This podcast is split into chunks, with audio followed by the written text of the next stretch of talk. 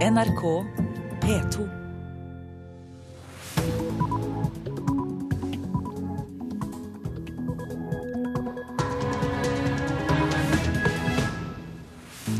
Her fortsetter Nyhetsmorgen, og velkommen til Jan Speed og Liv Tørres. Jan Speed, du eh, er i Bistandsaktuelt, og Liv Tørres, eh, du jobber for Norsk eh, Folkehjelp. og Dere har begge møtt Nelson Mandela. Dere skal hjelpe oss å belyse hans liv. Jan Speed, først, du vokste opp i Sør-Afrika, men har bodd lenge i Norge. Hvilke tanker gjorde du deg da dødsbudskapet kom?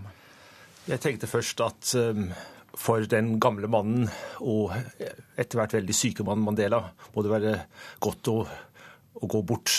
Samtidig som det er klart at det er en, et stort tomrom som uh, han etterlater seg. Det tror jeg vi skal snakke mer om, nettopp dette med det tomrommet han etterlater seg. Og uh, Liv Tørres, kan du sette ord på Mandelas personlighet og styrke? Det er ikke lett. Eh, en stor landsfader. Revolusjonær, demokrat, eh, lærer og læremester. Jeg, jeg, tenker jo som så at i dag våkner millioner av sørafrikanere, men også mennesker rundt hele verden, og tenker at verden har endret seg litt. Dette er en dag med sorg, savn, men også en dag for å hedre hans minne og, og de verdiene han, han sto for. Dere skal være med oss eh, videre, men nå til eh, Tom Christiansens eh, nekrolog. Mandela tilbrakte som vi vet 27 år i fengsel for sin kamp mot apartheid, og ble altså landets første svarte president. Og i 1993 så fikk han Nobels fredspris og var over hele verden et symbol på forsoning. I therefore place the remaining years of my life in your hands. Da Nelson Mandela i 1990 steg opp på balkongen i Cape Towns rådhus, visste ingen lenger hvordan han så ut. Vi hadde ikke sett ham på 27 lange fengselsår. Siden har vi levd med ham, smilet og livsgleden, alvoret og forpliktelsen. Madiba kalte de ham.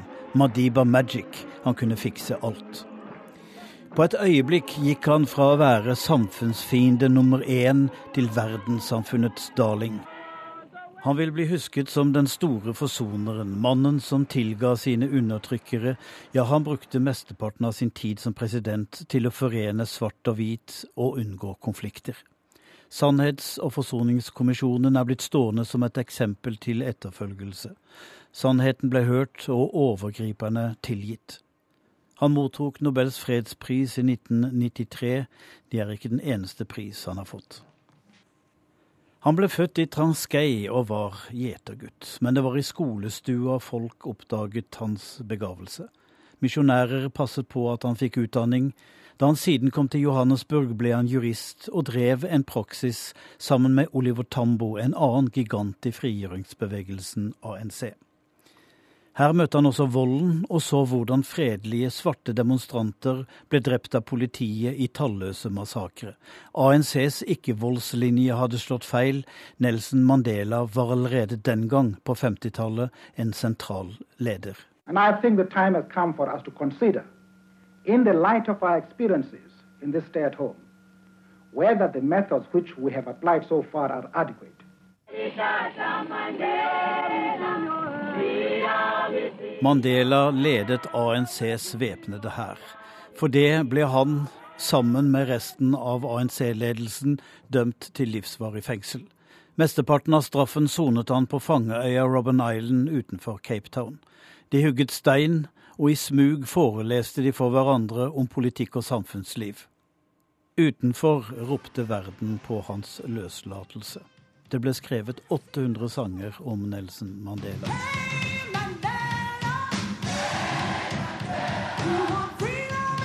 Og til slutt løslot de mønsterfangen. The government has taken a firm decision to release Mr. Mandela unconditionally.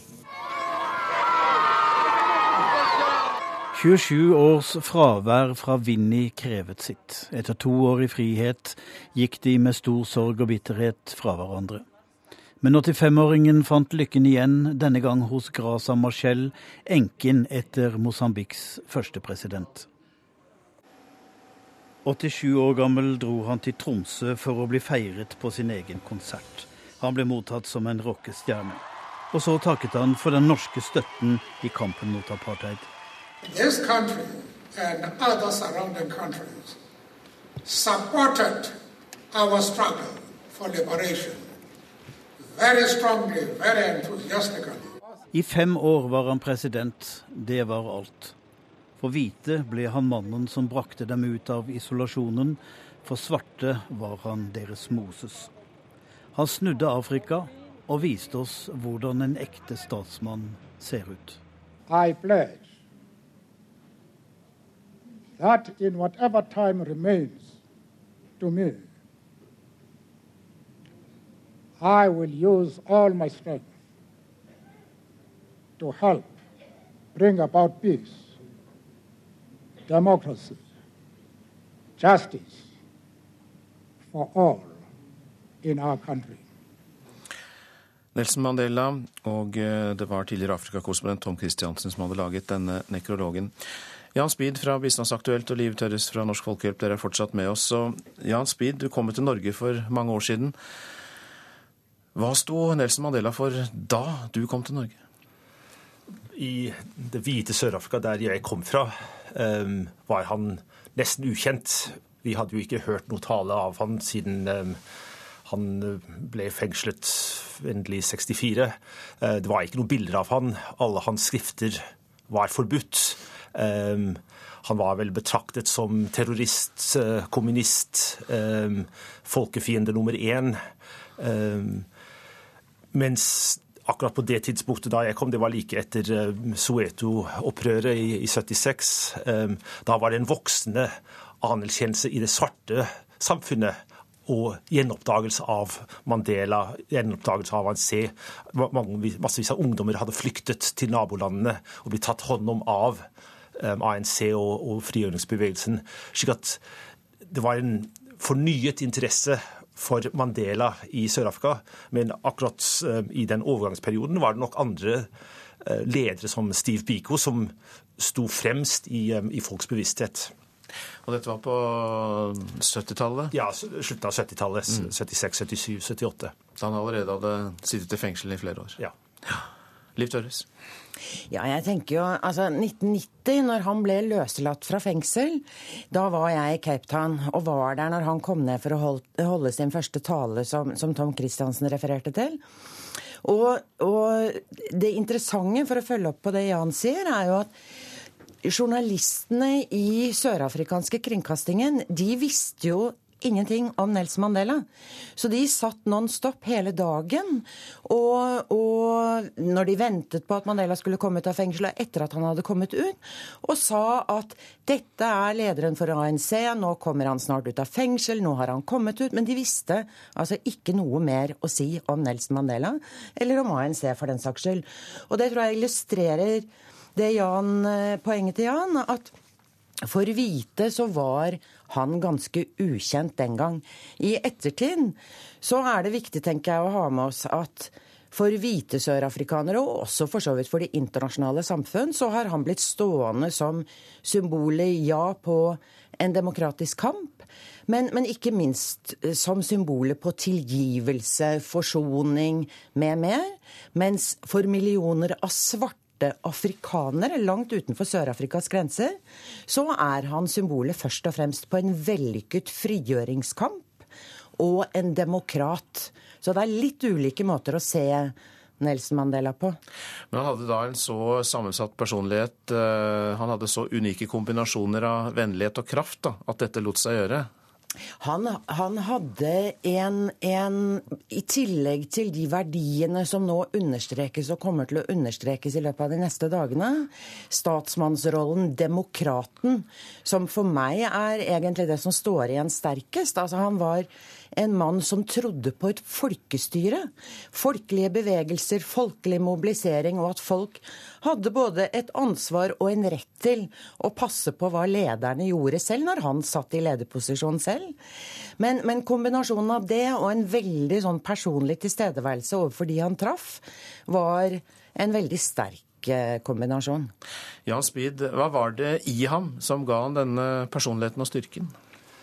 Jeg tror det var delvis hans oppdragelse, hans bakgrunn som høvdingesønn, at han hadde det litt i seg. Og klart hans erfaringer fra, fra fengsel. Um, men det er jo klart at også um, hans motstandere i Nasjonalistpartiet, det, i det hvite styret, uh, de Klerk, som um, opphevet forbudet mot ANC og løslot Mandela, jeg tror de undervurderte både ANCs evne og den interne motstanden, og Mandelas egne evner til å drive forhandlinger. Eh, da, man, da de Klerk eh, løslot Mandela, så trodde han nok at han ville klare å styre prosessen.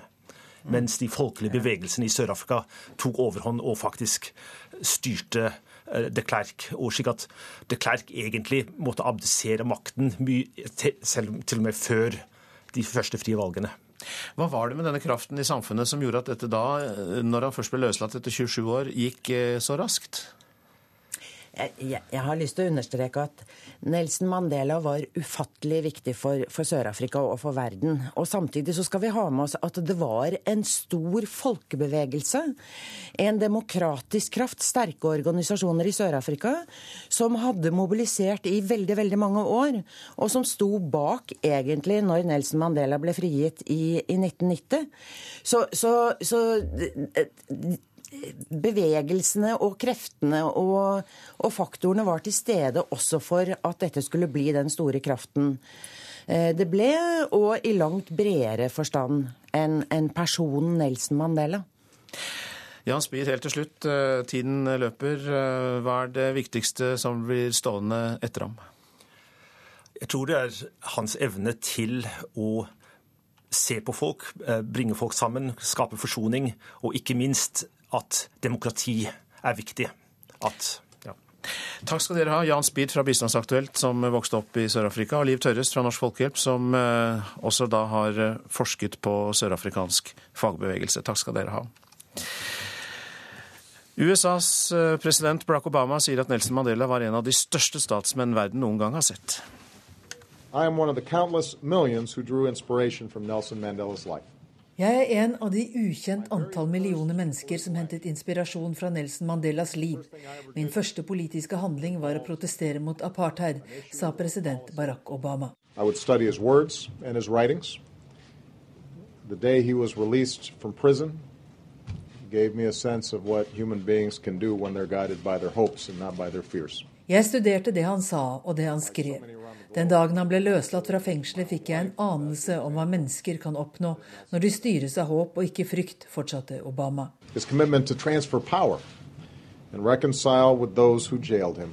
Hans evne til å overføre makt til andre og til å forsones med dem som fengslet ham, satte et eksempel som vi alle burde strekke oss etter, både privat og i verdenspolitikken.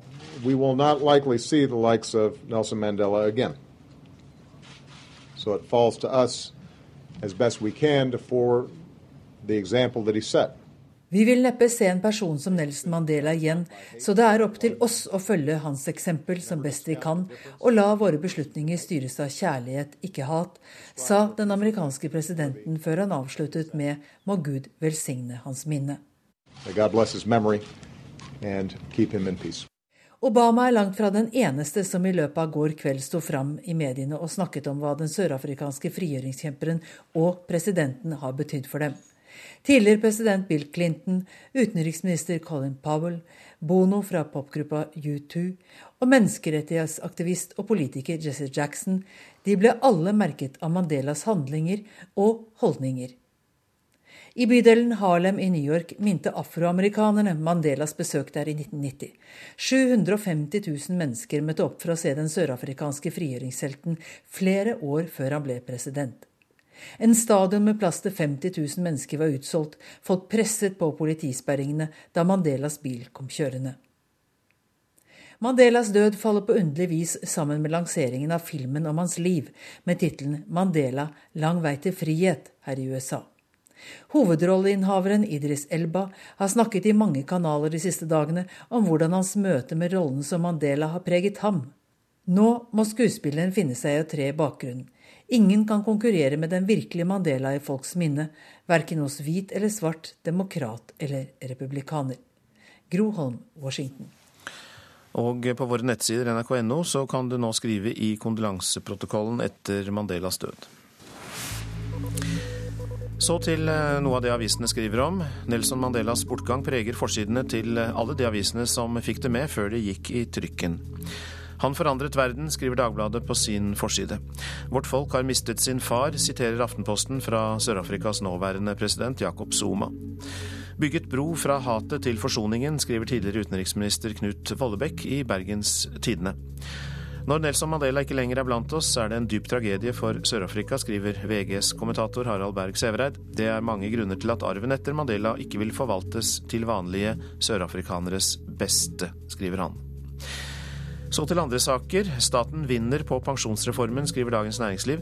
Den gir staten en gevinst på 172 milliarder kroner, for folk lever lenger, jobber lenger, betaler mer skatt og får likevel mindre i pensjon. Dermed blir staten den store vinneren i pensjonsreformen. Vill Vest-taxinæring er oppslaget i Dagsavisen. Teoriprøver blir tatt med falsk identitet, og sjåfører kjører uten drosjelappen. Kunnskapen om norsk språk og geografi er tragisk dårlig blant sjåførene, advarer Taxiskolen, som gjennomfører kjentmannsprøver. Venstre vil stoppe nedbygging av jord, er oppslaget i Nasjonen. Partiet ønsker en helhetlig plan for jordvern før regjeringen avgjør enkeltsaker. SV og Arbeiderpartiet manipulerer abortdebatten, sier Knut Arild Hareide til Vårt Land. Når kvinner tror at abortloven endres dersom leger får reservasjonsadgang, skyldes det venstresidens bevisste manipulering, sier Hareide. Konsulenteksplosjon i Helse Øst, skriver Klassekampen. Det er brukt 3,6 milliarder kroner til konsulenter siden 2005, aller mest på Oslo universitetssykehus. Bang, står det kort og brutalt på Nordlys forside med bilder av skadene etter hurtigruteskipet Trollfjords kollisjon med Tromsøbrua i går. Ingen passasjerer ble alvorlig skadd, og Tromsøbrua er igjen åpen for trafikk, men politiet har opprettet etterforskning etter sammenstøtet. Stormen tok strømmen til nesten 23 000 husstander i Agder i går kveld, kan vi lese i Federlandsvennen. Snø og vind skapte kaos både for bilister, togpassasjerer og fotgjengere på Sørlandet. Så tar vi for oss eh, været. Fjell i Sør-Norge først. Nordvestlig kuling. I vestlige områder eh, snøbyger. Ellers stort sett opphold. Minkende vind og avtagende nedbør utover kvelden. Østlandet minking til nordvestlig stiv kuling. Lokalt kraftige vindkast i morgentimene. Litt snø nær svenskegrensa. Ellers stort sett opphold. Fra seint i, i, formiddag skal det være. Nordvestlig liten kuling utsatte steder på Østlandet. Enkelte snøbyger i nordlige strøk. Ellers opphold. Telemark og Agder minking til nordvestlig liten kuling. På kysten vest for Lindesnes periodevis liten storm. Lokalt kraftige vindkast i morgentimene, for det meste oppholdsvær i Telemark og Agder. Rogaland og Hordaland nordvestlig sterk kuling først på dagen, opp til full storm på kysten. I kveld stiv kuling. Snøbyger mest i ytre strøk. Vi går til Sogn og Fjordane og Møre og Romsdal. Nordvest sterk kuling, perioder med liten storm på kysten. I kveld minker vinden til stiv kuling. Snøbyger, lokalt mye nedbør i nord. Trøndelag øking til nordvest sterk kuling, først i sør. Det blir snøbyger i Trøndelag, utover dagen økende bygeaktivitet.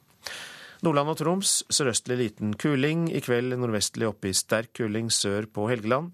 Det blir spredte snøbyger i Lofoten, i kveld også spredte snøbyger på Helgeland, ellers for det meste opphold.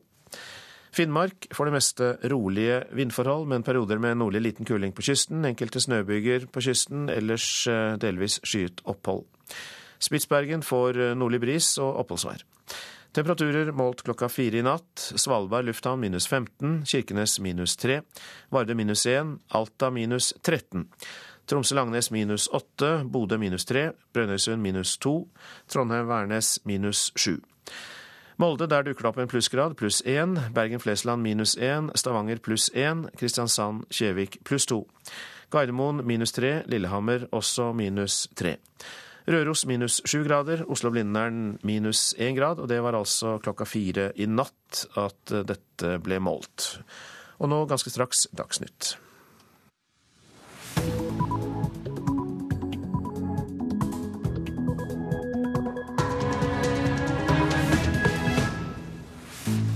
Nyhetsmorgen fortsetter. Her i studio sitter historieprofessor og forfatter av flere bøker om Nelson Mandela, Tore Linné Eriksen. Vi skal også gi deg et tilbakeblikk på frigjøringshelten og presidentens liv, og en direkterapport fra Johannesburg. Det får du også høre fram mot 7.30. Tore Linné Eriksen, god morgen. Du er professor i utviklingsstudier ved Høgskolen i Oslo og Akershus og forfatter av flere bøker om eh, Mandela. Ja, hva vil stå igjen etter uh, frigjøringshelten? Ja, Mye av det som mange andre kommentatorer har løftet fram, det er hans rolle som statsmann etter 1994, og den som sto for en eh, forsoningspolitikk. Jeg tror det er viktig, hvis vi skal lage et helhetsbilde, å minne om at forutsetningen for at Mandela kunne spille denne rollen eh, i 1994, det var jo den langvarige frigjøringskampen i Sør-Afrika, som Mandela var en del av, men eh, som hadde mange andre innslag også. Fra fagbevegelsen, fra eh, afrikanske kirkesamfunn. Uh, det som Mandela hadde en betydning historisk før dette, det var at han dels rett etter annen verdenskrig Eh, sto for en radikalisering av den gamle foreningsbevegelsen ANC, eh, som var ganske svak og stort sett besto av eldre menn med utdanning som trodde på å skrive resolusjoner og henstillinger. Så en radikal eh, bevegelse som gikk ut i gatene som gjennomførte streiker, sivile ulydighetsaksjoner, mobiliserte til en massekamp på 1950-tallet, det var én viktig rolle. Så var det en annen viktig rolle, og det var ikke da øh, fredspersonen, forsoneren Mandela, men det var at han sto i spissen for overgangen i ANC til at de også måtte ta i bruk øh, en væpnet frigjøringskamp etter at ANC var blitt forbudt av eh, det hvite nazistdiktaturet. Så spilte han en, eh, en rolle eh, i denne overgangen til en underjordisk frigjøringsbevegelse. Så kan man si at på 1960-tallet i fengsel så var han i ferd med å bli glemt, og ANC spilte en beskjeden rolle. Så ble Mandela på en måte løftet fram igjen gjennom den store ungdomsopprøret og de nye streikene fra fagbevegelsen eh, på 1970-tallet. Du minner oss om at det da ikke bare er forsoning som vi har vært veldig opptatt av, men også da protester, motstand og væpnet kamp, og til og med dette at han da han var i fengsel var nesten glemt. Hva var det da som uh, løftet ham fram? Hva var det med hans personlighet som gjorde at han da var i stand til å bli frontfiguren? Ja, han var nok ikke helt glemt, men i Sør-Afrika så var det jo forbudt å vise bilder av Mandela og sitere Mandela. Eh, det som var en endring, var på midten av 1970-tallet Soveto-oppstanden, en fornyet mer kraftfull og radikal og kompromissløs bevegelse. Og hans styrke da han satt på Robin Island, og det kom ungdommer dit ut og fortalte om dette, var at han da var i stand til å lytte til de unge, og, og ble et slikt samlingsmerke. Så på 1980-tallet, da var Mandela et stort navn igjen i Sør-Afrika og i vår del av verden. Men det skyldtes jo i høy grad at ANCs ideer levde videre, men bevegelsen var forbudt. Men det var et enormt oppsving i fagbevegelse, i kirkebevegelse, som gjorde at uh, apartheidmyndighetene forsto, begynte å forstå at de kunne ikke fortsette undertrykkingen som før. Og så ble det også forent med Eh, en økende internasjonal fordømmelse av Sør-Afrika. De hadde fått støtte fra særlig USA og Storbritannia gjennom hele apartheidperioden. Men nå gjorde motstanden inne i Sør-Afrika det umulig å tenke at de skulle fortsette som før. Da var Mandelas rolle avgjørende. Han kunne bygge en bro mellom forskjellige deler av frigjøringsbevegelsen, og hans moralske integritet og evne til å forstå og lytte på motstanden. Men forsoningen kunne ikke komme før på en måte apartheidstyret var knust. At frigjøringsbevegelsen hadde seiret. Da kunne forsoningen starte. Mange takk for at du trakk disse viktige historiske linjene. Tore Linné Eriksen, som er professor i utviklingsstudier ved Høgskolen i Oslo og eh, Akershus. Vi skal til Sør-Afrika nå, og til Jostein Hole, Kirkens Nødhjelps eh, områderepresentant for det sørlige Afrika. Du er utenfor Nelson Mandelas hjem. Fortell oss hva som skjer, og hva du ser. står folk og synger. De danser på sørafrikansk vis. Det er den måten man viser sin respekt til den måten man viser sorg her på. Eh, mange av de har stått her gjennom hele natten eh, siden de fikk budskapet i går. Men vi ser også at det kommer stadig flere mennesker til. Eh, dette og budskapet ble kjent eh, i, i natt sørafrikansk tid. Og for mange er det nok først i morges de har hørt om dette. Og, og vi ser det kommer stadig mer mennesker til her for å, for å vise sin respekt til eh, Madiba. Hva sier eh, de sørafrikanerne du har møtt eh, om eh, Mandelas dødsfall nå? De sier at det er en, en svært trist dag. Eh, folk sier det med tårer i øynene. Og jeg snakket med en her i sted som sa at eh, Mandela har gitt oss, en, gitt oss en arv, og nå er det vårt ansvar å ta den videre. Hva ser du rundt deg akkurat der du står eh, nå? Kan du beskrive det for oss? Her ser jeg en, en stor gruppe mennesker eh, som, eh, som, synger. De holder opp et stort portrett av eh, Mandela. Eh, det er et massivt eh, presseoppbud her. Det kommer stadig folk nedover gatene rundt her med blomster. og det er også også et, et, et, tydelig bilde her er at her er det en, en veldig blandet gruppe eh, mennesker av veldig ulike typer sørafrikanere. Eh, og, og, eh, det er også et bilde på den arven eh, Mandela har eh, etterlatt seg. Mange takk skal du ha, Jostein Hole, som altså da er områderepresentant for Kirkens Nødhjelp i det sørlige Afrika, og beskrev hva han så utenfor Nelson Mandelas hjem akkurat nå. Etter 27 eh, år i fangenskap så ble Nelson Mandela løslatt i 1990, og fire år seinere ble han valgt til den første svarte presidenten i Sør-Afrikas historie. I Cape Town 9. Eh, mai 1994 jublet titusener av sørafrikanere da deres nye president ble presentert for folket for aller første gang. Ladies and gentlemen, friends, fellow South Africans, I ask you, welcome! our brand new state president out of the box, Nelson Mandela.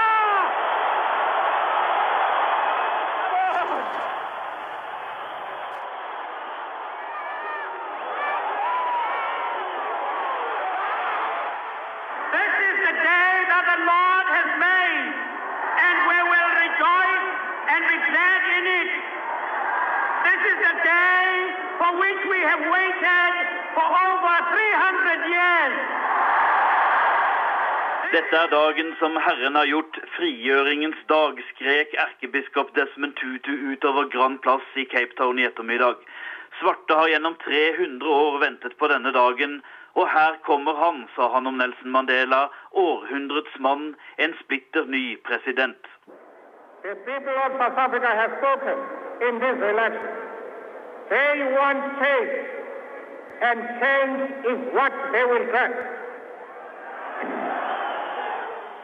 Folket har talt og krever forandringer, sa Mandela. Det skal de få. De skal få jobber, de skal få fred og forsoning. Mandela holdt talen fra en balkong på det gamle rådhuset i Cape Town, samme sted hvor han sto 11.2.1990 og holdt sin første tale etter 27 års fangenskap. Da var han en løslatt i dag sto han der som president og ble hyllet av svarte og hvite. Og ved sin side hadde han erkebiskop Tutu og sin visepresident Fredrik de Klerk. Tre menn med hver sin Nobels fredspris. I parlamentet tidligere på dagen tok svarte for første gang plass på benkene. Mange av de nye representantene har vært bannlyst, forfulgt, fengslet og endog dødsdømt av de som tidligere satt på disse plassene. Merkeligst var det nok for den unge ANC-representanten Melanie Fervort gift med barnebarnet til Henrik Favort, mannen som skapte apartheid og fikk raseskillelovene vedtatt nettopp i dette parlamentet. Nå skal hun rigge ned det hennes manns bestefar skapte. Mandela ble foreslått som president uten motkandidat, og representantene brøt ut i ellevill jubel da parlamentets ordstyrer utropte han som statspresident i Sør-Afrika. Fra alle partier reiste representantene seg og applauderte den gamle gråhårede mannen. I Pretoria venter nå 800 internasjonale gjester, hvorav 43 statsoverhoder, på å hylle Mandela. Han skal innsettes som president i morgen formiddag. Tom Christiansen, Johannesburg. Ja, denne rapporten fra 1994 den skaper jo minner også kanskje hos deg, Arne Bakker Grønningsæter. Du er Fafo-forsker med lang praksis fra Sør-Afrika og Johannesburg. Ja, det er riktig. Jeg har fortsatt en tilknytning til landet ved at jeg bor der deler av året. Mm. Og Hva mener du vil stå igjen som det viktigste etter Nelson Mandela? Jeg tror at det viktigste som vil stå igjen etter han, er, er hans rolle som leder for frigjøringsbevegelsen. Og det er jo litt, som flere har vært inne på, forskjellige perspektiver det går an å bruke her. Og jeg tror hvis du spør svarte sørafrikanere, så vil de legge vekt på at han var deres leder. Mens vi vil kanskje legge vekt på forsoningsprosessen. Men han var lederen deres helt fra 50-tallet og utover. Hvordan klarte han etter din oppgave å eh, forene svart og hvitt i Sør-Afrika? Vi må jo huske hvilket eh, undertrykkende regime det var. Det er mange som lever i dag kanskje ikke helt kan fatte hvor undertrykkende det var. Ja, og det, det, tror jeg også er helt riktig. Det var et autoritært regime. Det var et regime som, eh, som skapte ekstreme forskjeller. Og det var et regime som tilsynelatende hadde god koll på økonomi og sånn, mens når, når, da ANC og Nelson Mandela overtok regjeringsmakten i 94, så viste det seg jo at det var et, et, et land på eh, konkursens rand, nærmest. Så de overtok jo, de fikk, hadde jo nesten umulig jobb å gjøre når de skulle bygge dette opp igjen. Og på mange måter så kan man jo si at det har gått bedre enn en kunne forvente. Samtidig som de står jo med, fortsatt med kolossale uh, utfordringer, ikke minst på de sosiale forskjellene. Arbeidsledigheten er jo uh, skyhøy, og, og, det er et av de land i verden med største forskjeller mellom rike og fattige. Så her er det store utfordringer. og det selv om de gjorde mange tiltak, også under eh, i Mandelas regjeringstid, så klar, har de jo aldri klart å, å, virkelig bygge ned disse forskjellene. Og jeg tror kanskje arbeidsledigheten er den største grunnen til det. Og en av grunnene til at de, selv om de har klart å bygge opp, altså klart å skape nye jobber, ha økonomisk vekst, så har liksom, tilveksten på arbeidsmarkedet, den unge generasjonen som kommer ut på arbeidsmarkedet, er mange flere enn det de klarer å skape nye jobber til. Sånn at her har det vært enorme utfordringer. Og I en slik situasjon som du nevner, altså med mye vold, med aids er det også eh, høy fattigdom, store forskjeller, så er det viktig at uh, samfunnet klarer å stå sammen for å løse oppgavene. Og vi kan vel si at Mandela har vært limet som har holdt samfunnet sammen. Eh, vil, vil det sprekke opp når, når han er død? Eh. Altså jeg, Mandela har jo vært ute av den politiske arenaen ganske lenge. Så, så um, mer, som, mer, som, symbolet? At symbolet ble borte? Ja, han har nok hatt en symbolsk funksjon. Og ikke minst har han vel skapt en legitimitet i, for, i den hvite delen av befolkningen for styret. Eh, men, men eh, jeg er ikke så sikker på om, om liksom skillet går eh, akkurat nå, ved hans død, på det feltet. Jeg tror at dette for det første har han vært ute av, av, bildet ganske lenge i politikken. For det andre så tror jeg kanskje at han som, som uh, vil nesten ha en sterkere rolle som avdød. Og det har jo noe med den religiøse uh, siden ved Sør-Afrika å gjøre også, fordi, fordi, hele troen på forfedrene er veldig stor. sånn at Nelson Mandela vil jo være en levende realitet for veldig mange, selv om han er død, faktisk. Det det er, jo tankevekkende, Arne Bakke Grønningsæter. Nå har Tom Christiansen akkurat kommet inn av døren her i studio, tidligere Afrikakorrespondent for NRK selvfølgelig. Og eh, du har fanget opp en del reaksjoner som er kommet fra Sør-Afrika i dag. Ja, det, det var en rar kveldstime i går. Folk satt ved TV-en og så dette budskapet. Og det var vel først da det gikk opp for folk eh, hva som har skjedd, hva de har eh, mista. Så mange tok til tårene. Ute på barer og puber stilnet musikken, skrudde opp TV-en, så budskapet fra presidenten. Og så satt de på pubene og gråt, og så snakket alle om Mandela. Minner fra Mandela, hvordan skal det gå nå? Og alle har på mange vis, og det er sånn vi må forstå denne dansen de vil hylle Mandelas liv. For det er mange som er takknemlige til Mandela, siden han på en måte representerer Han er ansiktet til kampen mot apartheid, men han er også ansiktet til et menneske som eh, ofra en tredel av livet sitt i en fengselscelle, og som brukte resten av livet sitt til eh, å, å, å, bryte ned et regime som var pilleråttent, men som på utsida var ganske sterkt. Mens du var ute, Tom Kristiansen, har jo Arne Bakke Grønningsæter beskrevet en del av de problemene som Sør-Afrika står eh, overfor. Riktignok så er det jo da strøm og rent vann og boliger til de fleste nå, det var det jo ikke før. Men, men det er store problemer, ikke minst vold og uh, stor uh, ulikhet. Hvordan tror du at samfunnet vil takle det i årene fremover? Ja, det er eh, det store spørsmålet sørafrikanere også eh, stiller seg. Vil Sør-Afrika vende tilbake til noen av de idealene de så hos Nelson Mandela? Da må de ha et annet lederskap enn det de har i dag.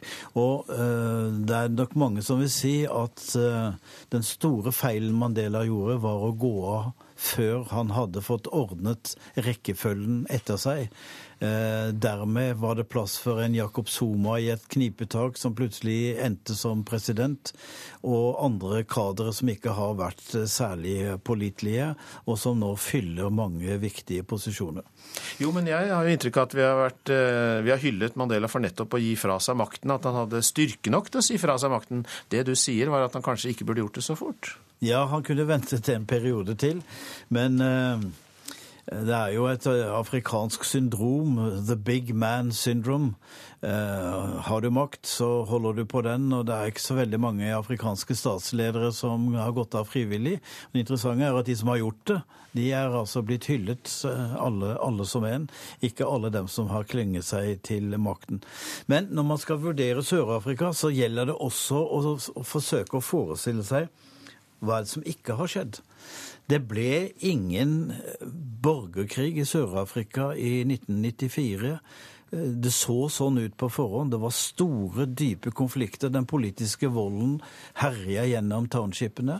Og etter valget så stanset den politiske volden. Det er mye annen vold i Sør-Afrika, men altså de det mangler en krig i Afrika, og det er den som aldri kom i Sør-Afrika. Og det får vi takke Nelson Mandela for. Jeg tenker jo også at det var nesten eh, det viktigste jobben Nelson Mandela gjorde, var jo jobben fram mot 94. I den, den prosessen ved å, å, få etablert eh, et, eh, et ikke-rasistisk regime i, i landet. Um, og at etter at han kom, ble president, så, så, trakk han seg nesten litt tilbake fra, fra, fra makten. Han overlot vel styringen langt på vei til, til Thabo Mbeki i den perioden han var president. Eh, mens han selv spilte en sånn symbolrolle, og han var jo genial på å skape situasjoner hvor, hvor han, som nettopp handlet om forsoning, som var sånne symbolsituasjoner som folk så, og som skapte en oppslutning om forsoningsprosessen. Da. Som å stille i landslagsdrakta ja, til rugbylaget og gratulere kapteinen. Denne hvite sporten i Sør-Afrika som Mandela plutselig gjør til sin egen. Hjertelig takk for denne samtalen eh, jeg fikk med dere. Arne Bakke Grønningsæter, som altså er Fafo-forsker, og uh, vår egen uh, Tom Christiansen. Nå til de enorme naturkrefter som har vært i sving da uværet, uværet har herjet i Sør-Norge i natt. Det er meldt om flere naturskader langs kysten. I Rogaland er det meldt om store materielle ødeleggelser, men politiet har ikke fått melding om personskader. Det opplyser operasjonsleder Frank Roland ved Rogaland politidistrikt. Vi har hatt eh, trær over veien, Eh, trær over ledningsnett, eh, hus og garasjetak som har blåst av. Eh, båter og flytebrygger som har slitt seg. Takstein som ramler ned, og veggplater. Så det har vært travelt for de etatene som har vært involvert. Lenger nord på kysten har to busser blåst av veien på Sunnmøre nå i morgentimene. Ingen av passasjerene ble skadde, men politiet advarer mot glatte veier og sterk vind. I Agder er 5700 kunder fremdeles uten strøm etter uværet. Ifølge Hanne Liv Refsnes i Agder Energi jobber de hardt med å utbedre feil over hele Sørlandet. Vi har ca. 100 montører ute som har vært ute og retta feil. Eh, og nå i morgentimene så trapper vi opp bemanninga igjen og fortsetter feilrettingsarbeidet for fullt for at alle skal få strømmen tilbake. Også på Østlandet har uværet skapt problem. Hafslund opplyser at 6425 husstander i Oslo og Akershus er strømløse. Det var også dramatisk på Nesodden i natt, der både mannskap fra brannvesenet og andre redningspersonell var tilkalla for å redde teaterbåten Innvik, som var i ferd med å gå ned. Båten ligger nå delvis på bunnen ved brygga, sier Steffen Øvstedal i Follo politidistrikt. Vi fikk tjora han fast, og lå såpass stabil da, at eh, vi tilkalte Sivilforsvaret også i den situasjonen. Og de har holdt vakta i natt. Reporter her, det var Marte Halser. Nelson Mandelas bortgang preger forsidene til eh, alle de avisene som fikk det med før de gikk i trykken. Men eh, det er en del Oppslag i andre aviser også, som vi tar med oss eh, nå. Staten vinner på pensjonsreformen, skriver Dagens Næringsliv. Den gir staten en gevinst på 172 milliarder kroner, for folk lever lenger, jobber lenger, betaler mer skatt, men får likevel mindre i pensjon. Og dermed blir staten den store vinneren av pensjonsreformen. Vill vest i taxinæringen er oppslag i Dagsavisen. Teoriprøver blir tatt med falsk identitet, og sjåfører kjører uten drosjelappen. Kunnskapen om norsk språk og geografi blant sjåførene er tragisk dårlig, advarer Taxiskolen, som gjennomfører kjentmannsprøver. Venstre vil stoppe nedbygging av jord, er oppslaget i Nasjonen. Partiet ønsker en helhetlig plan for jordvern før regjeringen avgjør enkeltsaker. SV og Arbeiderpartiet manipulerer abortdebatten, ja det mener Knut Arild Hareide. Han sier det til Vårt Land i dag. Når kvinner tror at abortloven endres dersom leger får reservasjonsadgang, så skyldes det venstresidens bevisste manipulering, sier Hareide. Konsulenteksplosjon i Helse Øst, skriver Klassekampen. Det er brukt 3,6 milliarder kroner til konsulenter siden 2005, og aller mest på Oslo universitetssykehus. Bang, står det kort og brutalt på Nordlys forside, med bilder av skadene etter hurtigruteskipet Trollfjords kollisjon med Tromsøbrua i går. Ingen passasjerer ble alvorlig skadd, og Tromsøbrua er eh, igjen åpen for trafikk, men politiet har opprettet etterforskning etter dette sammenstøtet. Vi skal tilbake til eh, Nelson Mandela. I 1964 ble han og resten av ANC-ledelsen dømt til livsvarig fengsel for sin deltakelse i planleggingen av væpnet kamp mot apartheid-regimet. Han sonet 18 år i den beryktede fangeleiren Robben Island, men det var utenfor en fengselsport fem mil fra Cape Town at verdens mest berømte fange tok sine første skritt i frihet på 27 år. There's Mr. Mandela, Mr. Nelson Mandela a free man taking his first steps into a new South Africa. Journalisten fra sørafrikansk kringkasting kommenterer på direkten, mens hele verden sitter klistret til radio- og TV-apparatene. For alle vet hvem Nelson Mandela er. De har bare ikke sett ham på nesten tre tiår. That is the man who the world has been waiting to første His first public appearance in nearly three decades. Kari Grete Alstad var NRKs Afrika-korrespondent på den historiske dagen. Begeistring, jubel og gledesrus uten sidestykke møtte Nelson Mandela da han noen minutter etter klokka 15 i ettermiddag kunne spasere ut gjennom fengselsportene fra Victor Fester-fengselet ut til friheten omsider. Med sine 71 år og etter alle påkjenningene gjennom 27 år i sørafrikanske fengsler, er han blitt helt hvit i håret. Men det var likevel en spenstig og høyreist mann som med stor verdighet i ettermiddag kom ut gjennom fengselsporten hånd i hånd med sin kone Vinni. Med et fornøyd smil og med armen høyt hevet til ANCs velkjente knyttnevesymbol hilste han den ekstatiske menneskemengden før han gikk inn i bilen som skulle kjøre ham til sentrum av Cape Town. Og i Cape Town ventet en enda større menneskemengde på å se og høre legenden Mandela selve symbolet på det svarte flertallets mangeårige kamp mot det hvite mindretallets raseskillepolitikk, apartheid. Our march to freedom is irreversible. We must not allow.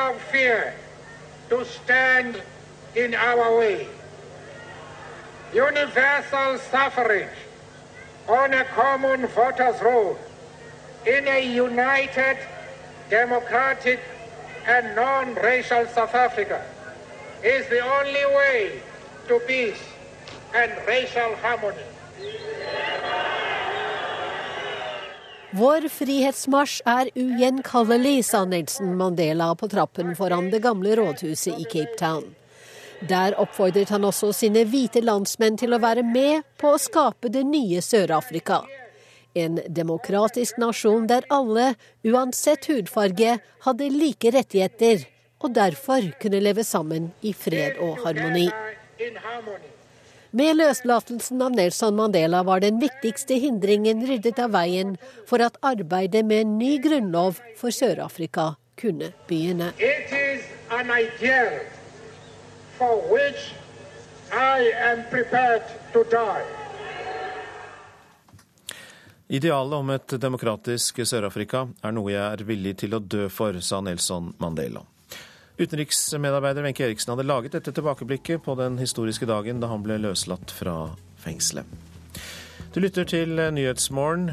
Dagsnytt eh, er utvidet til et kvarter i dag i forbindelse med Nelson Mandelas eh, bortgang, så de tar over nå om få sekunder. Produsent for Nyhetsmorgen Eli Bjelland.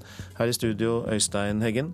Og så minner jeg om det utmerkede nettstedet radio.nrk.no, der du kan høre alle NRKs radiokanaler. Du kan spole deg tilbake tre timer og høre hva som har gått tidligere. Og du kan til og med laste ned flere hundre programmer.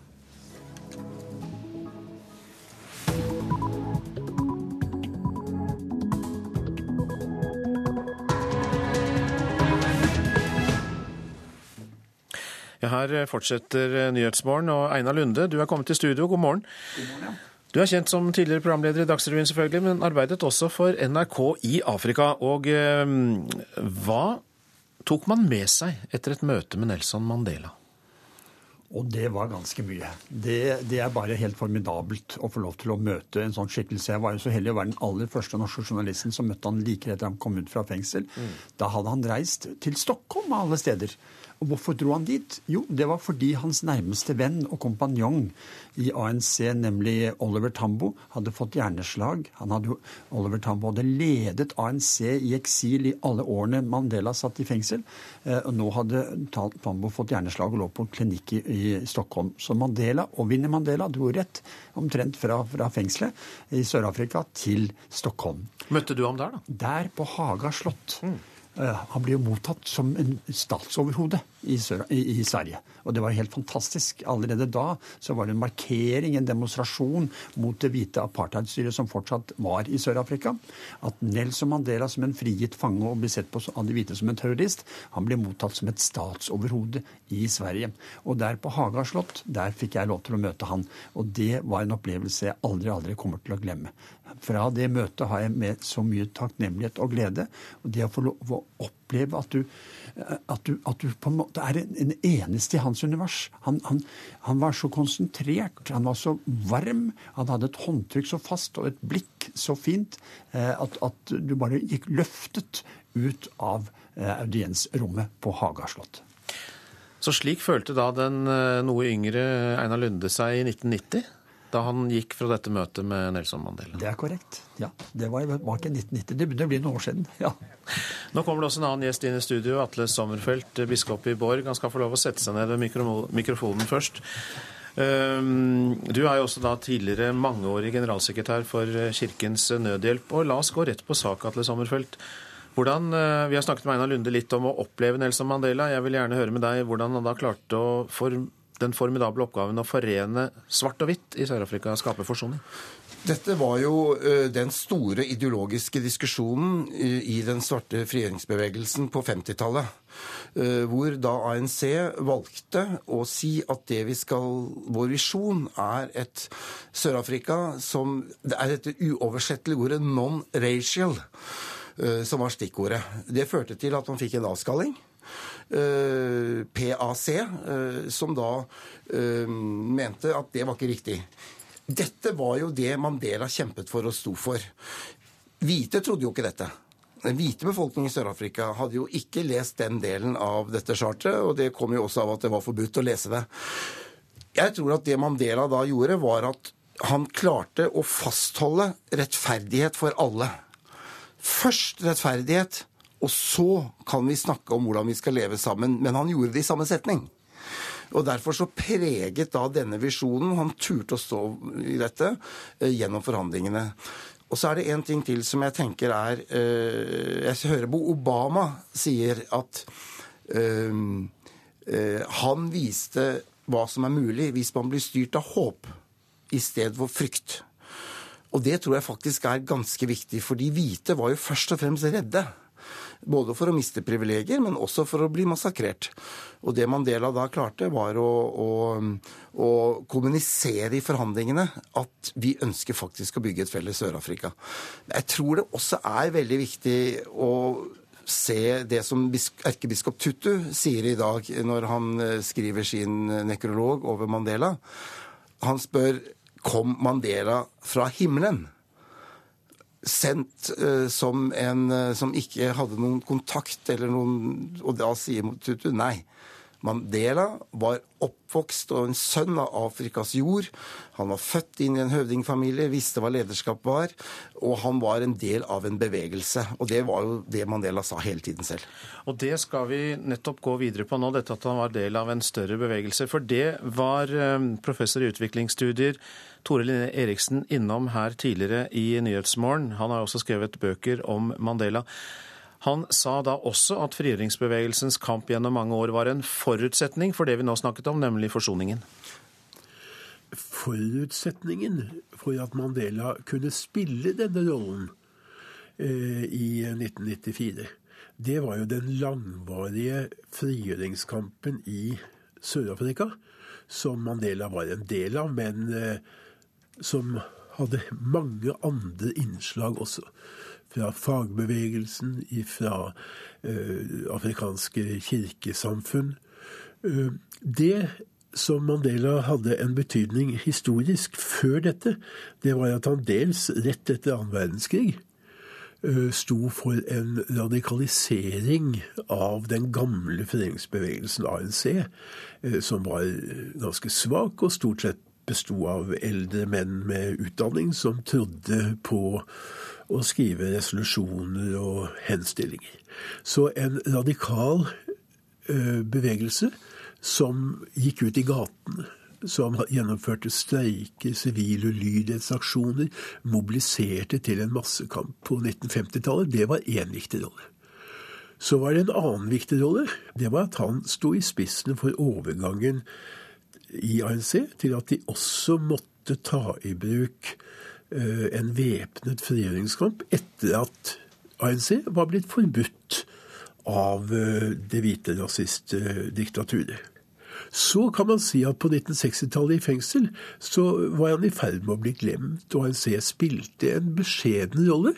Så ble Mandela på en måte løftet fram igjen gjennom den store ungdomsopprøret og de nye streikene fra fagbevegelsen eh, på 1970-tallet forsoningen kunne ikke komme før på en måte apartheidstyret var knust.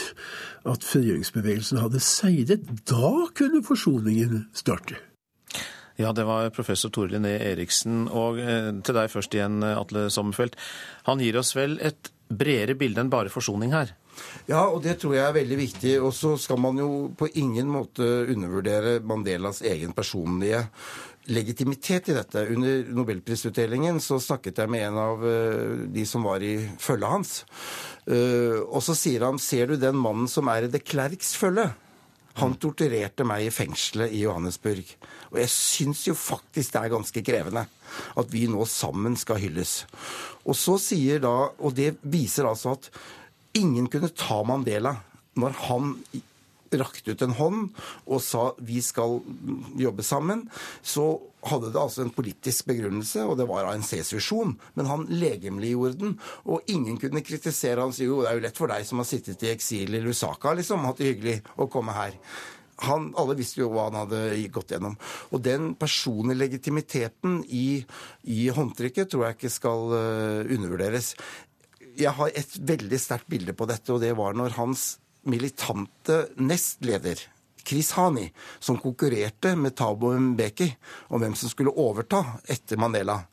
Og han var altså da forankret veldig sterkt i de svarte townshipene og i den radikale delen av ANC. Han ble i påsken 1993 eh, skutt eh, i Cape Town, og jeg var i Cape Town da eh, og så på TV. Og da var det slik at det sydet i, i tannskipene. Og den kvelden går Mandela på nasjonal TV, og så sier han Dette er jo før valget, ikke sant?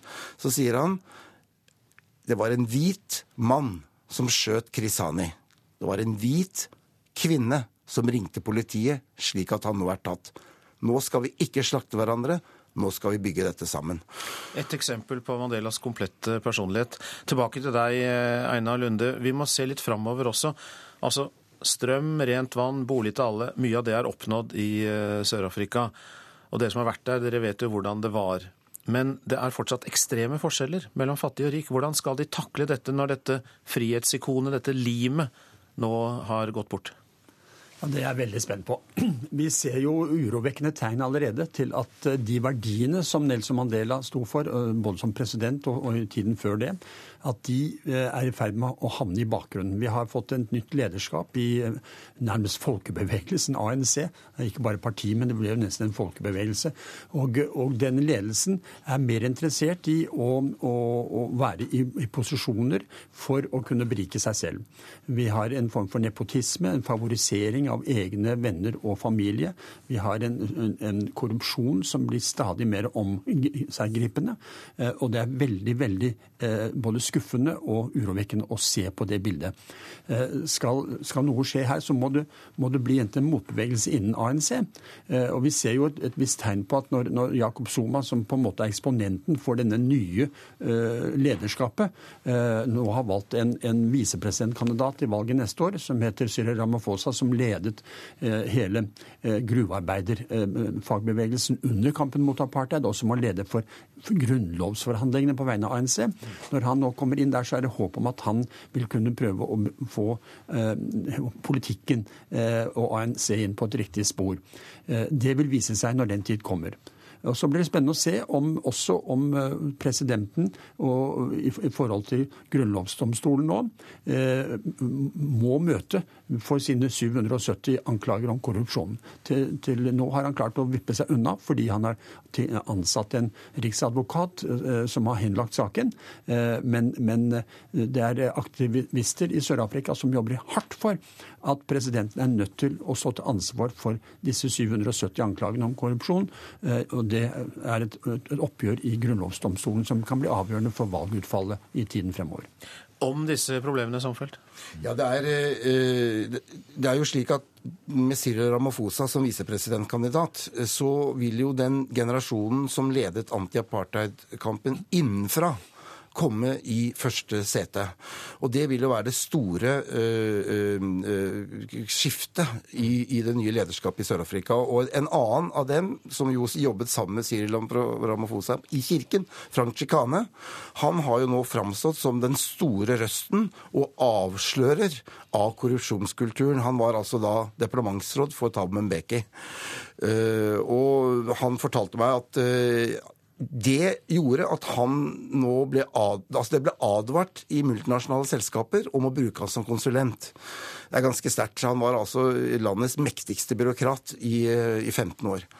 Um, jeg må si at uh, ANC og uh, det politiske frigjøringsbevegelsens i Sør-Afrika har blitt spådd nedgang alltid, så lenge jeg har vært med i dette, og det er siden altså 70-tallet. Den er mye sterkere politisk enn man skulle tro. Men du vet, øh, penger øh, er en meget ødeleggende faktor øh, hos alle. Tankevekkende. Vi skal eh, innom SV-leder Kristin Halvorsen fordi hun var i Politisk eh, kvarter i dag. Og kampen mot apartheid mobiliserte jo venstresiden, som hun eh, var en del av. Og hun forteller om det politiske engasjementet knyttet til det.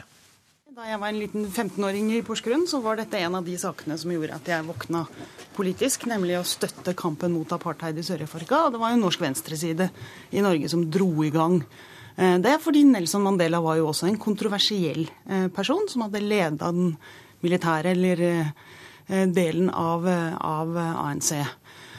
Den urettferdigheten satt i system som apartheid var, det berørte og opprørte oss veldig.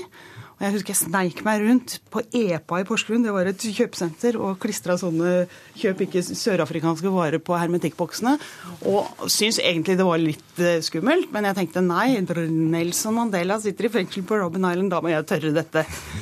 Så når det første frie valget var i Sør-Afrika i 1994, så var jeg en av de i en stortingsdelegasjon som fikk være valgobservatører, og det var en fantastisk sterk eh, opplevelse. Altså, hvilket inntrykk eh, fikk du av hvordan folk så på Mandela, hvilken posisjon han hadde da? Det, det utrolige var jo at folk hørtes ut som Mandela. We shall build this land together. Det var liksom det du hørte. Men, og det som er veldig vanskelig for oss å forstå, det var jo den ekstreme undertrykkinga, den volden som hadde vært.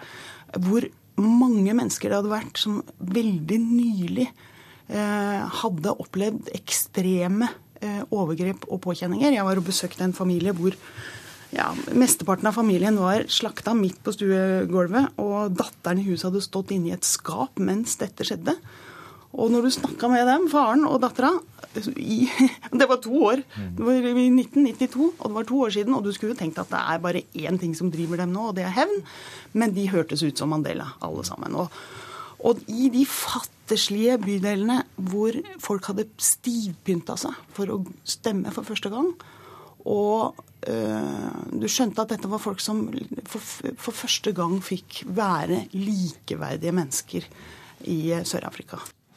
Ja, Det sa Kristin Halvorsen i Politisk kvarter, som var ved Alf Hartken. Nå har vi gått til statsminister Erna Solberg, som var en av eh, mange som eh, ble engasjert i eh, arbeidet for Sør-Afrika. Nelson Mandela hun fikk en opplevelse for livet da mm, Erna Solberg altså besøkte en av de mange internatskoler i nabolandet Tanzania, som da var i regi av nordisk Operasjon Dagsverk. For der hadde de rollespill om at det er ikke rasespørsmål, det er mennesker. Det er forferdelig viktig å snakke om at det er systemet, ikke enkeltpersonene. Det skal ikke dyrkes noe hat. Altså, dette, var, dette var barn og ungdom som hadde mistet foreldre i krigen mot, i den interne eh, konflikten. Det var ungdom som hadde rømt fordi de var blitt forfulgt etter det store studentopprøret i 76. Dette var ungdom som hadde sett mye, de hadde mistet mange nære, men de ble altså hele tiden påminnet at du ikke skulle dyrke hatet.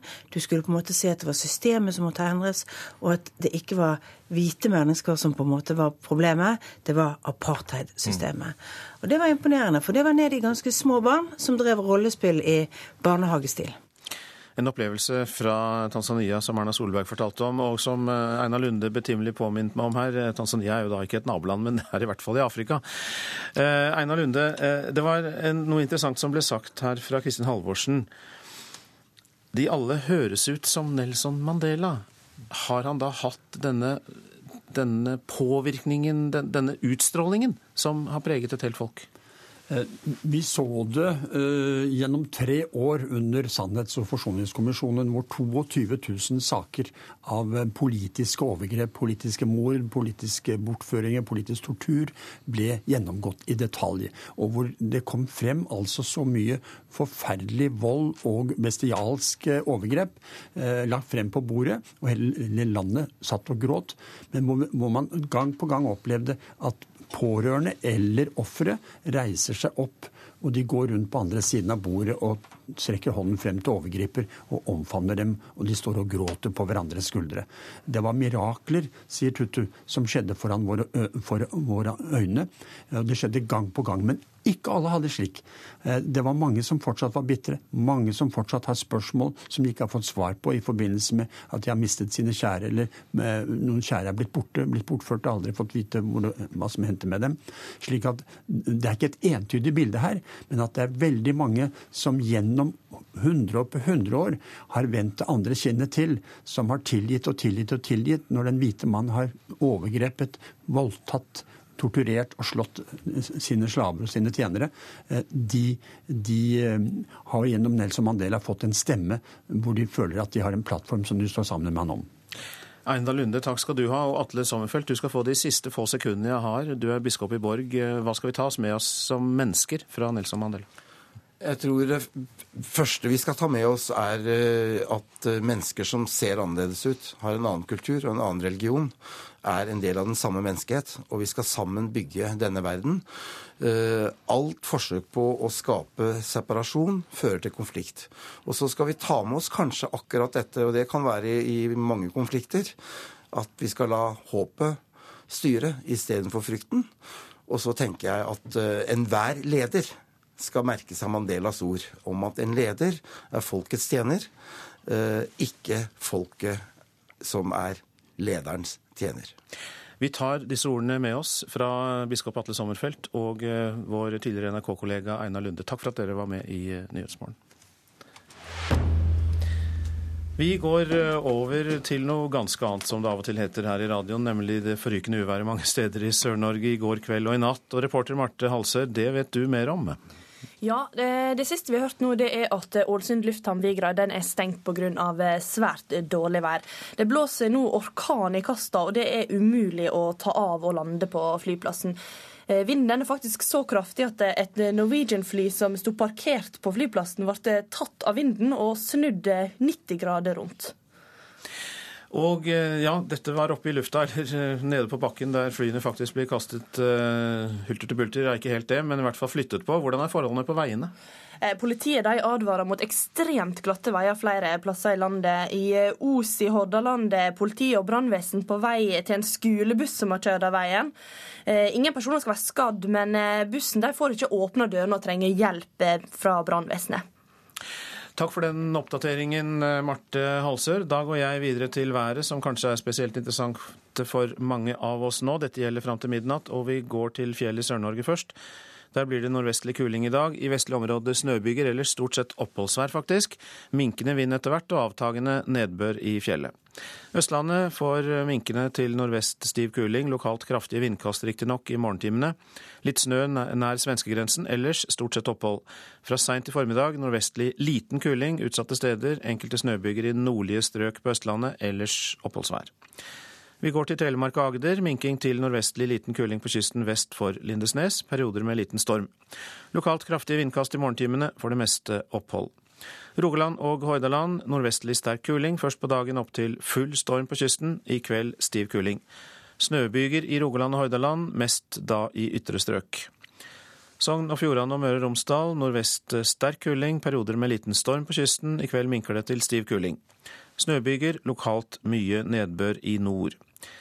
Trøndelag øking til nordvest sterk kuling først i sør. Snøbyger utover dagen, økende bygeaktivitet. Nordland og Troms ser vi samlet. Nordøstlig liten kuling. I kveld nordvestlig opp i sterk kuling sør på Helgeland.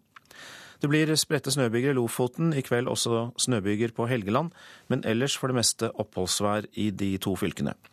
Finnmark da, for det meste rolige vindforhold, men det er, eh, kan bli snakk om perioder med nordlig liten kuling på kysten. Enkelte snøbyger på kysten også, ellers delvis skyet opphold. Spitsbergen, der er det bare nordlig bris i dag, og det er oppholdsvær til og med. Temperaturer målt klokka sju. Svalbard lufthavn minus 15, Kirkenes minus 4. Vardø minus 1 grad, Alta minus 16, Tromsø-Langnes minus 10. Bodø minus 2, Brønnøysund minus 3, Trondheim-Værnes minus 7. Molde 0, Bergen-Flesland 1 minusgrad, Stavanger 1 plussgrad. Kristiansand-Kjevik pluss to, Gardermoen minus tre, Lillehammer minus fire. Røros minus seks og Oslo-Blindern minus én grad. Det var Eirik Ramberg som hadde ansvaret for nyhetssendingene på radio denne morgenen. Produsent for Nyhetsmorgen Eli Bjelland. Teknisk ansvarlig Mari Janne Myrhol.